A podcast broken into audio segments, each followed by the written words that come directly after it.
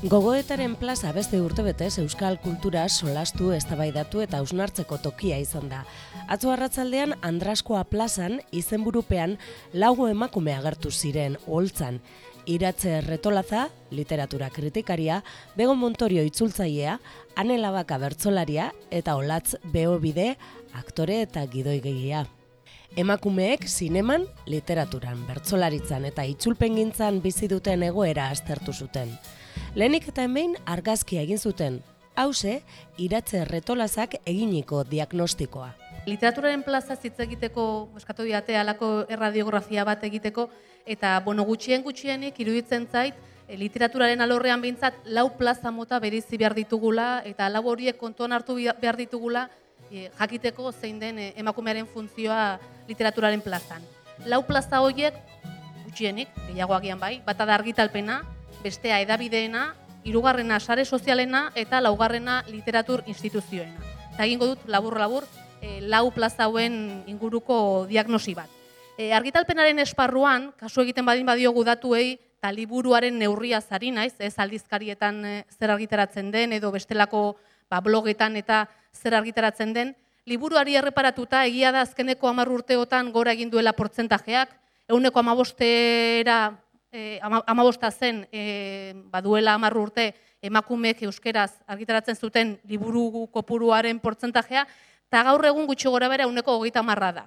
Bai, horrekin esan nahi du, ba, seguraski gehienen kasuan ikusgarritasunari begira iruditzen zaigula oroar, e, iruditzen zait lehen ere gure artean aipatu dugu, e, agian ikusgarriagoa dela emakumea benetan liburu gintzan e, dituen e, datuei begira baino.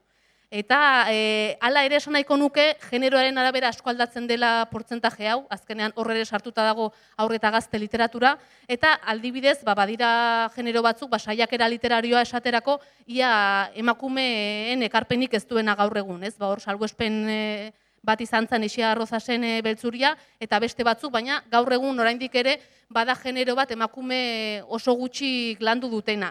Egia da, gainera, gaur egun saiakera gora e, egin duela, aurtengo produzioa di begira saiakera da gehien e, bueno, igoera hundiena izan duen genero literarioa, edo generoa orokorrago esan da, baina egia da ere, baita ere, e, alor horretan, e, pentsamendu feministaren inguruko bi bilduma agertu diela aurten, e, Lisipe, Susan eta Eskafandra elkarri lotuta, beraz, horre karpen hori egiteko dago edo urrats bat egin du. Baina bada ere beste datu bat eh, argitalpenei begira, bueno, begiratu edo kontuan hartu beharrekoa eta da ibilbide luzeko idazleen kasua. E, portzentajeetan e, argitalpena hori da, baina askoz gutxiago dira ibilbide luzea duten emakumeak. Eta hori oso nabarmena da novelaren kasuan. Novela da gaur egun edo novelak du gaur egun prestigio handiena, baina novelaren kasuari begira e, ez ditut, edo, edo baditut atzamarrak kontatzeko novela bat baino gehiago argitaratu duten e, emakumen kopurua. Ba, Laura Mintegi, Arantxa Urreta Bizkaia, Itxaro Borda, Mariki, Marikita Tamburin, Irati Jimenez, Lurde Soñederra eta Lain Agirre. Eta uste dut, ez du bala, agian bat ematutziko dut kanpoan, baina e, novela bat baino gehiago, ez naiz ari narrazioaz eta barre, novela gintza zari naiz. Eta bueno, hori ere bada termometro bat bai jakiteko nolakoa den e, bai argitalpen gintzan emakumeen e, presentzia. Ondoren badago edabideen e, plaza, edabideetan iruditzen zait nabarmen e, egiten duela gora emakumearen presentziak, eguneko berroita marra baino gehiago e, iruditzen zait bai elkarrizketetan, bai argazkietan, eta batez ere zubetabe gintzan, gaur egun e, emakume idazleek presentzia handia dute, agian liburu gintzan e, baina handiagoa, eta horri esker esagutzen ditugu irakurle askok horiei esker esagutzen dute. Eta intuizio zari naiz, baina iruditzen zait, e, zutabegintza hortan emakumeek e, bueno, euren poetika idaztankera eta pentsamenduaren berri ematen dutela, eta intuizioz diot, iruditzen zait, irakurleek gehiago ezagutzen dutela, kazetaritza lan hori literatur lana baino oroar ari naiz. Beraz, edabideek bai egin dute ikusgarritasunerako e, ekarpen hori. Hirugarren plaza, sare sozialari dagokionez, oraindik aztertu gabe daukagu sare sozialetan emakume idazleek zekarpen egiten duten eta nola saretzen diren. Iruditzen zait interesgarria genero ikuspegitik e, azterketa hori egitea, batetik badute askatasuna bere lanaren berri emateko edo bere edo sareak egiteko beste idazleekin, baina oraindik aztertzeko daukagu nor dituen jarraitzaileak, e, sare horien artean, e, e, kultureragile guztien artean genero ikuspegitik zerreman mota dauden, ez dakit ezin dut esan, ez nahi sare sozialetan e, bereziki trebea, baina iruditzen zait plazari begira aztertu beharreko espazio badela. Eta laugarrena eta garrantzitsua batez ere prestigio literarioari begira da literatur instituzioen e, plaza. Literatur instituzioek erabakitzen dute garai batean zer den literatura, zer den kalitate literarioa, zer den kanona, azken batean e, literatur instituzioek erabakitzen dituzte logika literarioak. Eta justuki, hau da, esparru hortan da, ba, emakumen presentziak e, azken urteotan maila txikiagoan egin du gora eta askoz motelago doa gora esparru hauetan. E, editoren kasuan, ba, egia da, ba, postekoa dela elkarrek baduela Santxine Mendizabal e, editorea eta azken urteotan lan handia egin duena hor, baina orokorrean hartzen baldin baditu argitaletxe literario esanguratsuenak editore gehi editore ez, zibilbide luzeko editoreen kasuan emakumerik ez dugu okerrezpanago sari instituzionaletan, eta, e, instituzionaletan, salbu aurre eta gazte literaturan emakumerikia ez dago, eta e, bueno, ba, gutxi gora bera hori da literatur instituzioen panorama. Beraz, e, e, plaza batzuetan gora egin du nabarmen presentziak, baina e, literatur kalitatearen eta batez ere literatur prestigioa jokoan dagoen ere muetan, hor nolabait da oraindik e, lan handia egiteko dugu.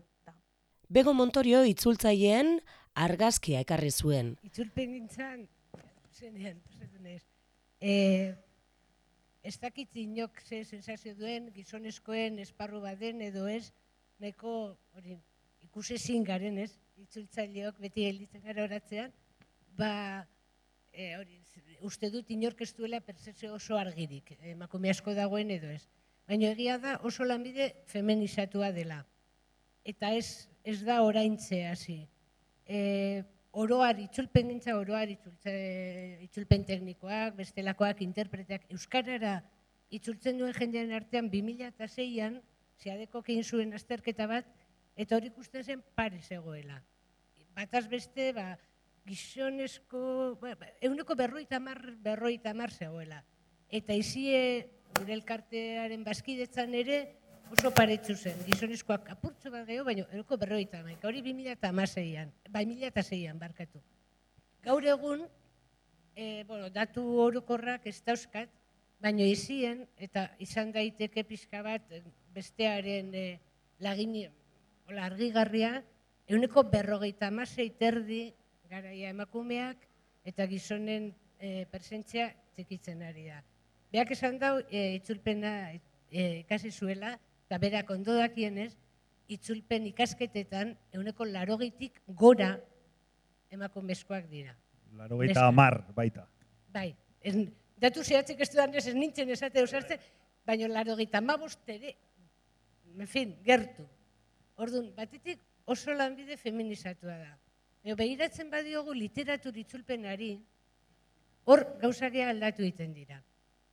Eta esateko hartu ditut bi bi urte tarte, konparatzeko e, mila behazteun da laro gaita marretik laro gaita ma bostera, bost urteko bat, eta mila, bi mila eta mar, bi mila eta bost. Eta hori ikusi argitaratu diren literatur itzulpenetan, hoien atzean zenbat emakume eta zenbat gizonezko zeuden eta gauden. E, laro gaita marretik, laro gaita ma bosterako bosturteko hortan, publikatutako obra guztien euneko hogei jasan emakumezkoek argi itzulitakoa. Eta euneko laro gehi gizonezkoek itzulitakoa. Bueno, ba, azkenengo bost urteak, aurreko bost urteetara behiratzen badugu, esan ondoren lanbide feminizatua dela, emakumeen presentzia sondia dela, ba, berdintzu jarritzen dugu. Euneko hogeita amabi, obren euneko hogeita amabia dira emakumezko, andraskoak itzulitakoak, baina uneko iruro eta sortzi da gizonezkoek itzulitakoa. Eta hor salbo espen badago, eta zuk esan duzu. Nun hasi da emakumeen presentzia aurreta gazte literaturan. Oroar, hainbesteko prestigiorik ez duen esparruan justu. Hor bai, hor azkenengo bost urtetan, itzul, argitaratu den obren erdia emakumezkoek itzuli dabe. Orduan, hor nik uste dut, ordea, gaur egun eizien bazkide diren guztien artean, literatur lanen bat argitaratu dutenen artean, paritzu gaude. Nahi, ba, kopuru berbera gara, literatur itzulpenak egin ditugun neskak eta eh, egin dituzten mutilak. Baina ikusten da, hor, e, literatur itzulpenean, hor gizonezkoen presentzia asko seria handiagoa dela, aldatu egiten da lanbidearen guztiz eh, ikuspegia, eta bueno, hor aztertu inbeharko litzake gero pixka bat igual sakonduko dugu. Ane labaka bertsolariaren iritziz, bertsolaritza osasuntzu dagoelaren sentsazioa dago. Egoera osasuntzua izan daitekeela, baina datuak azaldu zituen eta hori zalantzan jartzen dute.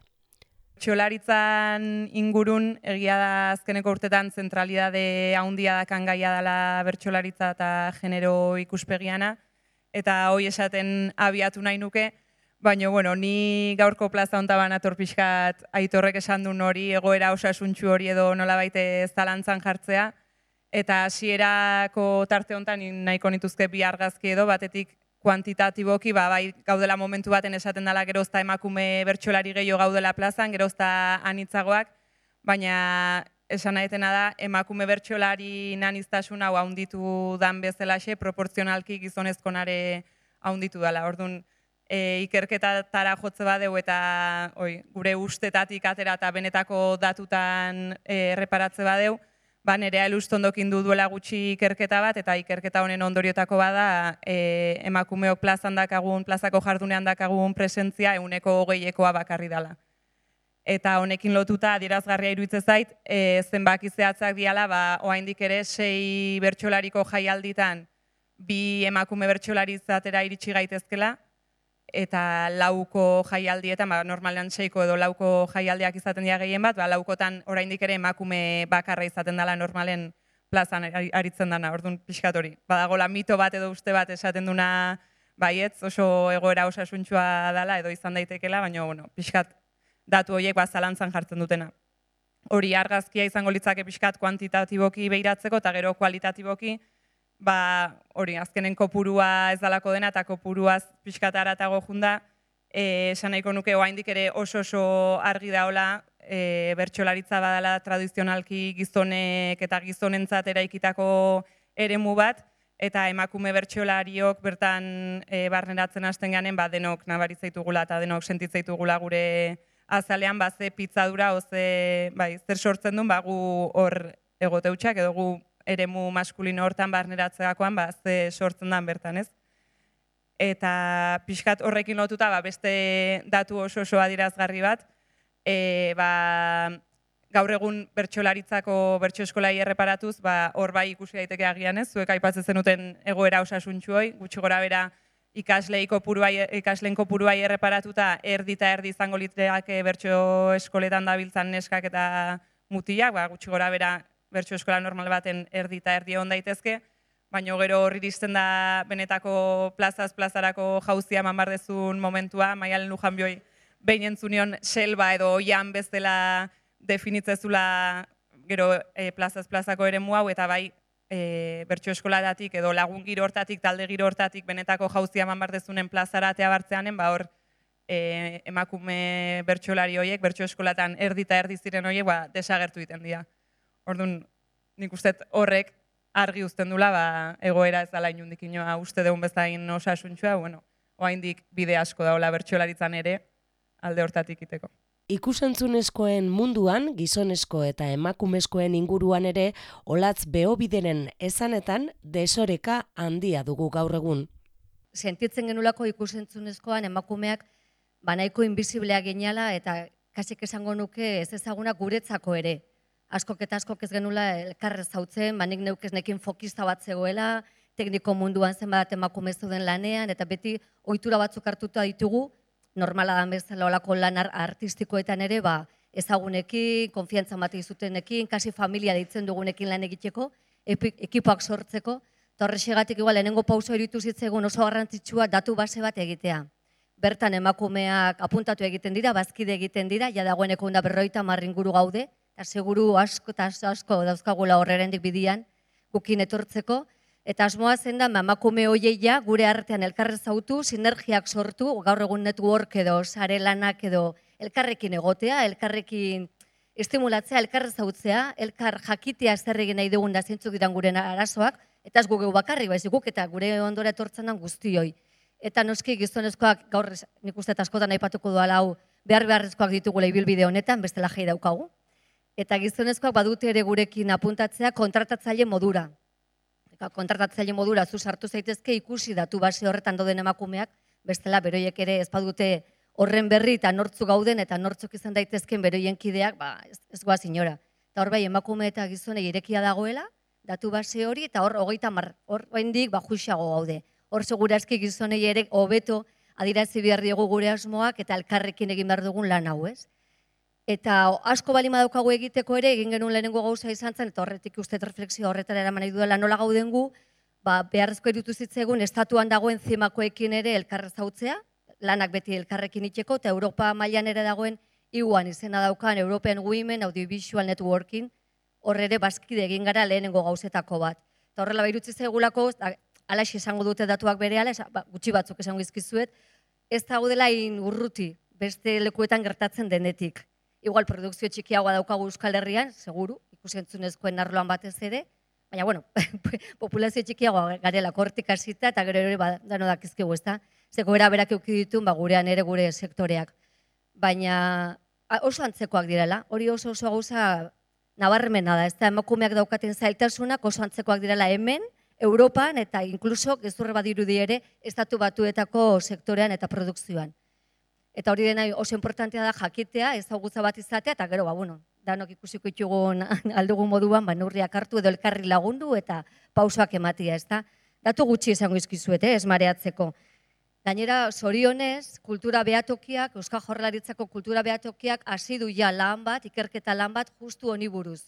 Emakumeak ikusentzunekoan Euskal Herrian daukaten, ba, realidadea, eduki duten perspektiba, orain ala urte batzutek onta egin duten lan bat, txosten kualitatibo eta kuantitatiboak ere egin dituzte haiek, pentsatzetuan ja bar, barrura begira egingo dutela azaleratzea, beroiek egingo dituztelako refleksioak, eta gero ja pentsatzet martxo udaberri aldera komunikabideetan aterako dutela, bai datuak, eta bai hartu dituzten ba, erabaki edo gomendioak, ez? Eta horre dut zorionez aukera egoteko, eta horren, ba, bueno, datuak pixka manejatu ditut, lau atako ditute, baina Europatik, hemendik, eta pixkat ikusteko ze oso antzekoa dena, dana, da, oso berdintzu gaudela, ez da? E, Europakoak esaten dute, ba hori, ba, behatzi mila lan, ikusentzuneko lan, aztertuko bagin dituzke, euneko amaseian bakarrik daudela emakumeak. Osa, kopuruak azkenean ikusiko duzu oso antzekoa dirala. Ameriketan hain badirudi hor jadana lortu daiteken herri horietan, ba, berreunda berreita mar film garrantzitsuetatik, berrogeita hiru bakarrik dute produkzio ejekutiboan emakumeak. Horre ere asko esan beharrekoa dagoela, korentxe egingo dugu horren azalpen txiki bat, ez? Emakumeak egon egon daitezke, baina kargu postuetan, ardura postuetan gutxixiago. Eta hori ikusten ba, berrogeita hiru produktore ejekutiboiekin, edo hogeita bost emakumezko zuzendariekin, edo bost emakume kamara direnekin. Hor normalki izaten da ardura hundienak zuzendaritzan, produkzio ejekutiboan edo argazki zuzendaritzan egon daitezke pelikula bat egiteko orduan, ez? Eta zimak, estatu mailan esaten duen datu nabarmenena da, hoixe, sorkuntza eta potere eta ardura postuetan euneko irurogeita malaua gizonezkoak daukatela. Orrun oso zaila dela horre ere, ba, emakumeak, ba, zer esan edukitzea edo gauzak aldatzea, potere postu hoietan ezpa gaude. Eta ikusi ordezkatzen duten lanen artean, ba, euneko irurogeia ordezkatzen dutela ere gizonezkoak, euneko berrogeiak, eta Euskal Herrian honen dela gutxi segura eskentzun duzu atera direla ere datu batzuk, bueno, estatu mailan, baina Euskal Herrian oso oso berdin ginalak, eta arte estenikoak ere aipatzen zian, eta hor normalki gudako sensazioa, ze e, hemenen helburua ere da ikusentzunezkoekin hasi bagara ere arte estenikoak nola baitere lotzea, eta hor ere ikerketa batzuk egitea, kuantitatiboa gutxienez, eta beti dako hau sensazioa emakume gehiago dagoela, zuzendari gehiago daudela, idazle gehiago daudela, horrek esan nahi du, eta esan nahi du, emakume gehiago daudela gero taula gainean, personaje gehiago daudela emakumezkoenak, baina hala ere, datuetara iritsi geranean, euneko berrogeita marrak ezin badute bizi herri honetan lan honetaz, ba, emakumeen kasuan goragoa da. Beti da zortzi puntu gehiago, irabazten dutena beti da gutxixiago, eta datuak esaten dute, ba, askotan eta askotan kontratazio mot, mota eskentzen dana okerragoa dela. Gezurra badirudi ere hori gaur egun gertatzen da, ez? Nei asko harritzen dau jakiteak nire inguruan diferente kobratu dezakegula gizonak eta emakumeak, baina itxura denez eta datuak esaten dute ala dela. Baina positiboak izan behar dugunez eta nahi dugunez, guk ere daukagu ikusitza eta datuetan ere bai, gero jute bazea komunikazioko eskoletara, ikusentzunezkoetara emakumeak gehien- gehienak. Emakume askok izan nahi dutela, egon nahi dutela profesio honetan, ez? Tekniko eskoletara jute zenean egia da kopuro igual ez dela enbestainokoa, igual ez gaude ja berroita masei, kasi kiruro goioietan, bezik, eta igual hogeita mapikota, baina badaude, asko daude. Baina gero oso zaila da salto hori ematera lanpostuetara iristera, ez? Zenbakiak argi utzi zuten kaleko percepzioa eta orokorra izan zen diagnosia. Lau islariek onartu zuten emakumezkoen presentzia gora egin duela azken urteetan lau alorretan. Baina zehaztu zuten zailtasunak daudela oraindik prestigiozkotzat jotzen diren esperruetara heltzeko.